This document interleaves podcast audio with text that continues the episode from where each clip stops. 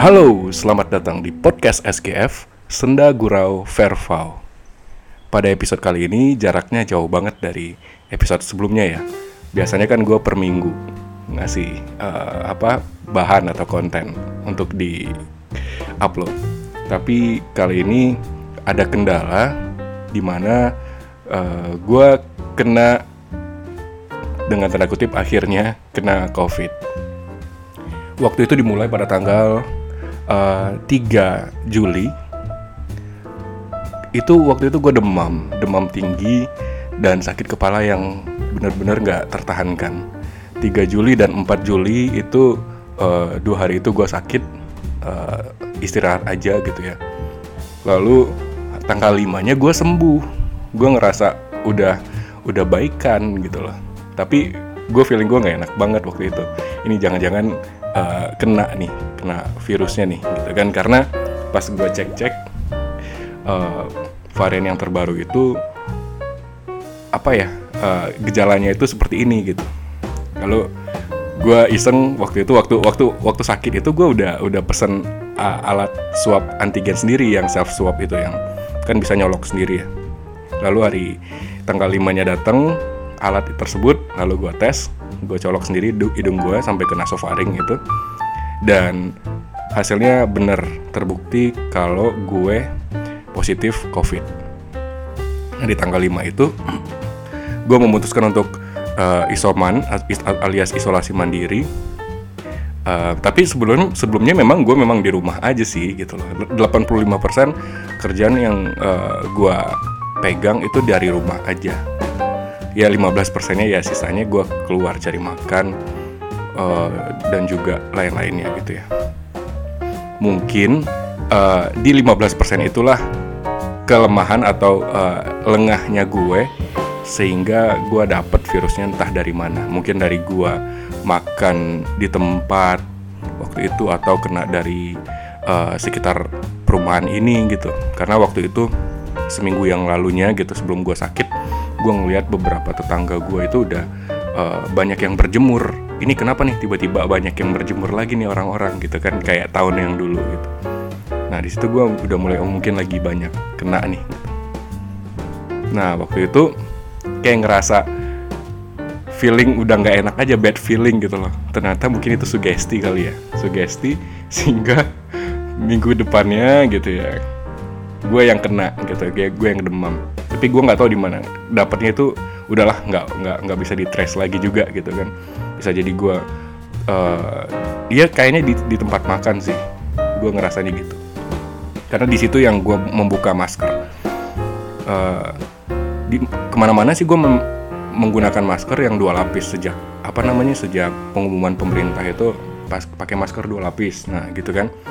Nah itu gue udah udah pakai masker dua lapis Nah, gue bukanya, buka masker itu ketika gue makan di tempat mungkin kayak makan mie ayam atau soto mie Bogor atau fried chicken di mana pun lah gitu ya. Kenanya kayaknya di situ. Tanggal 5 Juli, gue memutuskan untuk um, isolasi mandiri. Kan katanya uh, isoman dengan gejala ringan itu bisa dilakukan secara mandiri, isolasi maksudnya ya. Uh, selama 14 hari. 10 plus 4 hari kalau nggak ada gejala gitu. Nah berarti sekarang tanggal 20 nih. Gue ngerekap ini tanggal 20 dari 5 ke tanggal 20 itu kan udah 15 hari lebih gitu ya. 16 hari ke 16 lah berarti sekarang. Nah alhamdulillah sih gejala yang gue rasain udah nggak ada lagi. Uh, hanya tinggal batuk sisanya gitu ya. Sesekali gue masih batuk. Dan gue pengen tes ulang tes antigen ulang tapi kata nakes puskesmas tempat gue berobat um, gue nggak disaranin untuk uh, tes ulang. Karena katanya uh, cukup dengan isoman selama 14 hari nanti kalau nggak ada gejala nanti akan dibikinkan surat keterangan sembuh. Karena sudah menjalankan isolasi mandiri selama 14 hari. Itu benar-benar gue nggak keluar sama sekali nggak keluar rumah cuman berjemur di belakang rumah uh, yang gak ketemu sama orang siapa-siapa gitu ya. Makan food atau tetangga depan rumah uh, saling peduli gitu. Mereka ng ngasih uh, kadang-kadang bawain gue sarapan gitu kan. Alhamdulillah banget gue punya tetangga yang begitu peduli uh, sesama gitu. Ya itulah yang membuat gue makin semangat untuk sembuh waktu itu. Uh, itu seminggu awal badan gue lemes banget. Karena gejala ringan itu kan katanya demam tinggi di awal sakit kepala kemudian masih batuk gue. Uh, kemudian um, apa lemes diare gue sempat diare itu waktu itu. Jadi uh, hari pertama hari kedua kan gue sakit ceritanya gitu. Tapi emang beneran sakit gue langsung tumbang aja gitu di kasur. Terus hari ketiga gue udah sembuh. Gue antigen kan itu positif. Lalu hari keempat mulai tuh hilang penciuman gue bener-bener gue nggak bisa nggak bisa nyium minyak kayak putih minyak kayak minyak kayak putih yang ditempelin banget ke hidung nggak nggak kecium apa-apa gitu loh. Sempat panik tapi karena sudah banyak alumni alumni covid yang gue tanyain katanya itu memang begitu. Uh, hilangnya paling seminggu atau uh, seminggu atau dua minggu katanya gitu. Oh ya udah gue juga udah mulai bisa mengatasi kepanikan sehingga uh, eh, gue melanjutkan aja kegiatan gue sehari-hari seperti misalnya bekerja. Nggak ding bohong. Gue masih uh, minggu pertama sakit itu gue masih masih lemes banget jadi tanggal 6 gue anosmia sampai tanggal 11 kalau nggak salah ya. Tanggal 6 sampai tanggal 11 itu gue anosmia. Uh, jadi kerjaan gue makan obat mi, uh, tidur bangun makan siang makan obat minum obat pagi itu ngantuk banget. Dan ya begitulah kegiatan gue sampai tanggal 11 demam sih udah enggak cuman lemes masih bersisa waktu itu. Nah tanggal 12 gue mulai mulai mulai bangkit lagi lebih better lagi gitu ya lebih better. Better lagi lebih baik lagi daripada tanggal-tanggal sebelumnya di mana uh, eh, gue mulai bisa mencium uh, wangi apa pun tapi masih tipis. Tapi itu bikin bikin gue senang banget yang bikin gue semangat untuk cepet-cepet sembuh gitu.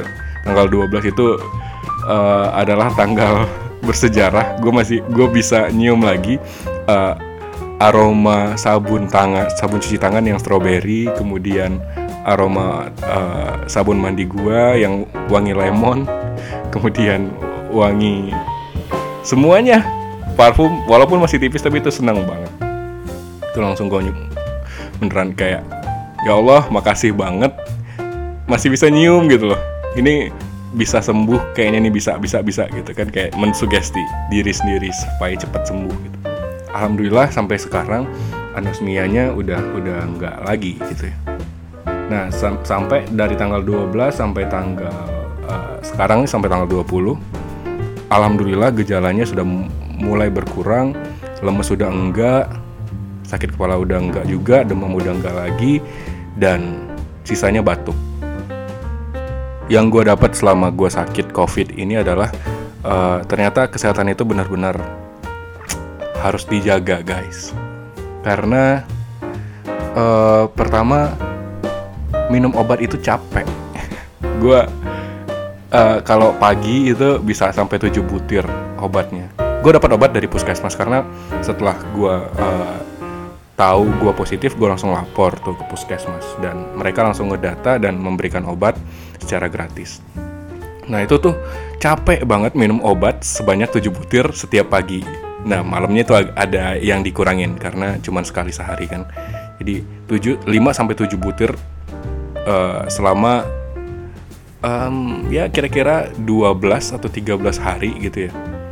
Sisanya gue pakai obat beli sendiri karena kan katanya nggak kalau nggak ada gejala nggak dapat obat lagi katanya gitu. Jadi ya udah nggak apa-apa. Batuk masih bisa gue beli obat uh, di apotek terdekat dengan cara GoFood gitu. Eh GoFood lagi apa? Uh, GoMart jadi capek minum obat itu yang gue rasain capek. Gue bisa gue bisa minum minum minum berkali-kali dan beser setiap setiap jam kali ya karena banyak minum jadi uh, banyak kencing gitu. Terus itu yang pertama capek. Terus yang kedua uh, nggak bisa fokus lama-lama gitu loh. Karena efek obat uh, apalagi obat batuk dan yang bikin ngantuk ya. Obat batuk itu kan bikin ngantuk. Nah lemes uh, badan berkeringat dan pengennya rebahan aja. Di situ yang bikin gue jadi kayak nggak produktif. Waktu itu kan untungnya untungnya uh, kerjaan ngajar itu udah kelar uas udah kelar tinggal uh, ngoreksi aja nah itu sempat sempat terabaikan koreksian gue berfolder-folder itu banyak banget. Uh, jadi nggak bisa fokus kan karena kita harus istirahat supaya sembuh gitu. Itu lemes terus yang ketiga adalah stres. Gue sempat stres sih. Gue sempat stres karena mikirin uh, kerjaan juga. Gara-gara itu mungkin gue stresnya tapi untungnya teman-teman yang gue ajak cerita teman-teman teman yang tempat curhat itu mereka pada udah udah tinggalin aja dulu kerjaan lu. Karena yang penting lu sembuh kalau lu sembuh kerjaan lu masih bisa uh, dicicil pelan-pelan kan gitu loh. Jadi gue bersyukur banget punya teman-teman yang uh, suportif banget saya lagi nggak bisa ini nih gitu tolong di backup dong gitu. Terus oh iya iya ya nggak apa-apa nanti saya yang backup gitu kata teman-teman kerja gitu. Atau teman-teman curhat juga kayak ngedukung banget. Teman-teman di Instagram di Twitter itu banyak banget ngedoain terima kasih banyak ya teman-teman atas doanya. Mungkin uh, karena doa doa dari kalian juga uh, kesembuhan gue jadi lebih cepat gitu. Alhamdulillah terima kasih.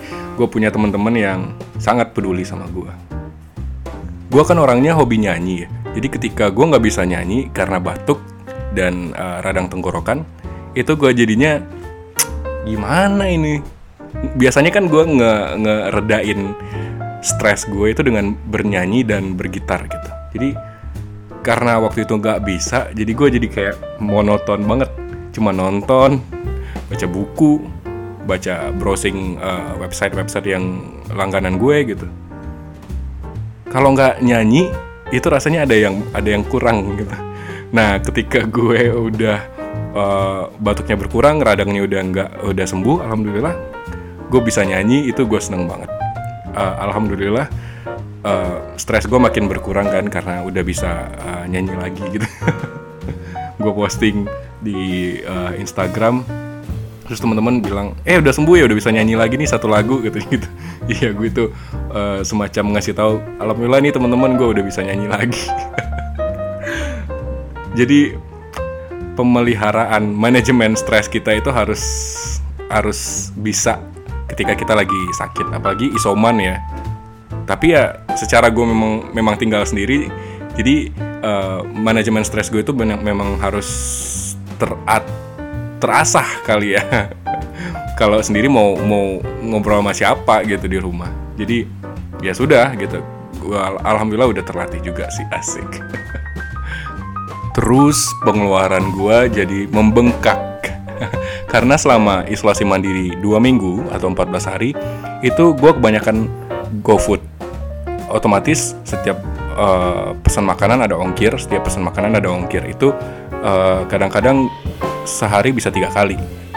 Sarapan siang sama malam. Tapi kalau gue lagi eh, nggak uh, bosenan gitu ya sama makanan itu gue bisa pesen cuman uh, sekali aja untuk ma nanti makannya tiga kali uh, siang sama malam gitu. Ongkirnya kan mahal ya cuy ya.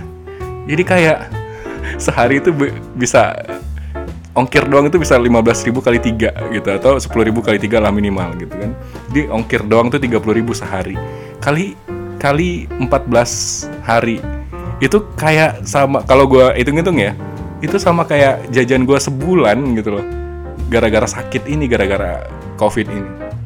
Jadi bokeh itu nggak bisa dielakkan. Sekarang hari ke-16 di saat gue merekam ini dan I feel much better alhamdulillah. Dan gue berniat untuk menjadi pendonor darah eh sorry pendonor plasma convalescence di mana kan katanya uh, orang-orang yang bisa mendonorkan plasmanya itu uh, orang-orang yang bisa yang sudah sembuh dari covid selama beberapa minggu gitu ya. Tapi gue mesti yakinin dulu nih, apakah uh, setelah gue isoman ini harus harus apa namanya nunggu 14 hari lagi atau gue udah bisa dari sekarang gitu. Cuman ya itulah gue punya niatnya begitu supaya nanti uh, bisa menolong orang-orang yang membutuhkan plasma convalescence ini supaya mereka juga sembuh gitu loh. Uh, teman-teman yang dengerin podcast gue ini uh, mohon doanya supaya gue tetap uh, sehat seterusnya dan gue bisa melaksanakan niat gue ini uh, dan menolong orang-orang yang uh, apa namanya butuh plasma itu untuk mereka sembuh juga gitu loh. Amin amin ya robbal alamin. Sekian dulu lah kayaknya cerita gue tentang pengalaman sakit covid ini. Uh, pesan gue satu, tetap jaga kesehatan kalian. Karena varian ini kita nggak tahu juga ya varian apa yang gue kena tapi kayaknya variannya semakin semakin lama semakin nggak kenal orang gitu loh banyak banget nih teman-teman gue yang satu persatu kena di uh, second wave ini gelombang kedua ini dan bisa saja uh, karena sekarang Indonesia sudah menjadi new epicentrum uh, dari pandemik ini gitu katanya ya uh, bisa jadi varian khas Indonesia itu tercipta tapi mudah-mudahan teman-teman semuanya pada kuat imunnya dan bisa uh, apa menerjang virus-virus itu kalau nempel di tubuh kalian dan semuanya bisa pergi dan sehat semuanya selalu. Amin, amin ya robbal alamin. Dari gue sekian dulu deh. Terima kasih ya semuanya. Uh, semoga kita selalu sehat walafiat dan tetap jaga protokol kesehatan. Terima kasih sudah mendengarkan podcast SGF. Sampai ketemu di episode berikutnya. Have a nice day.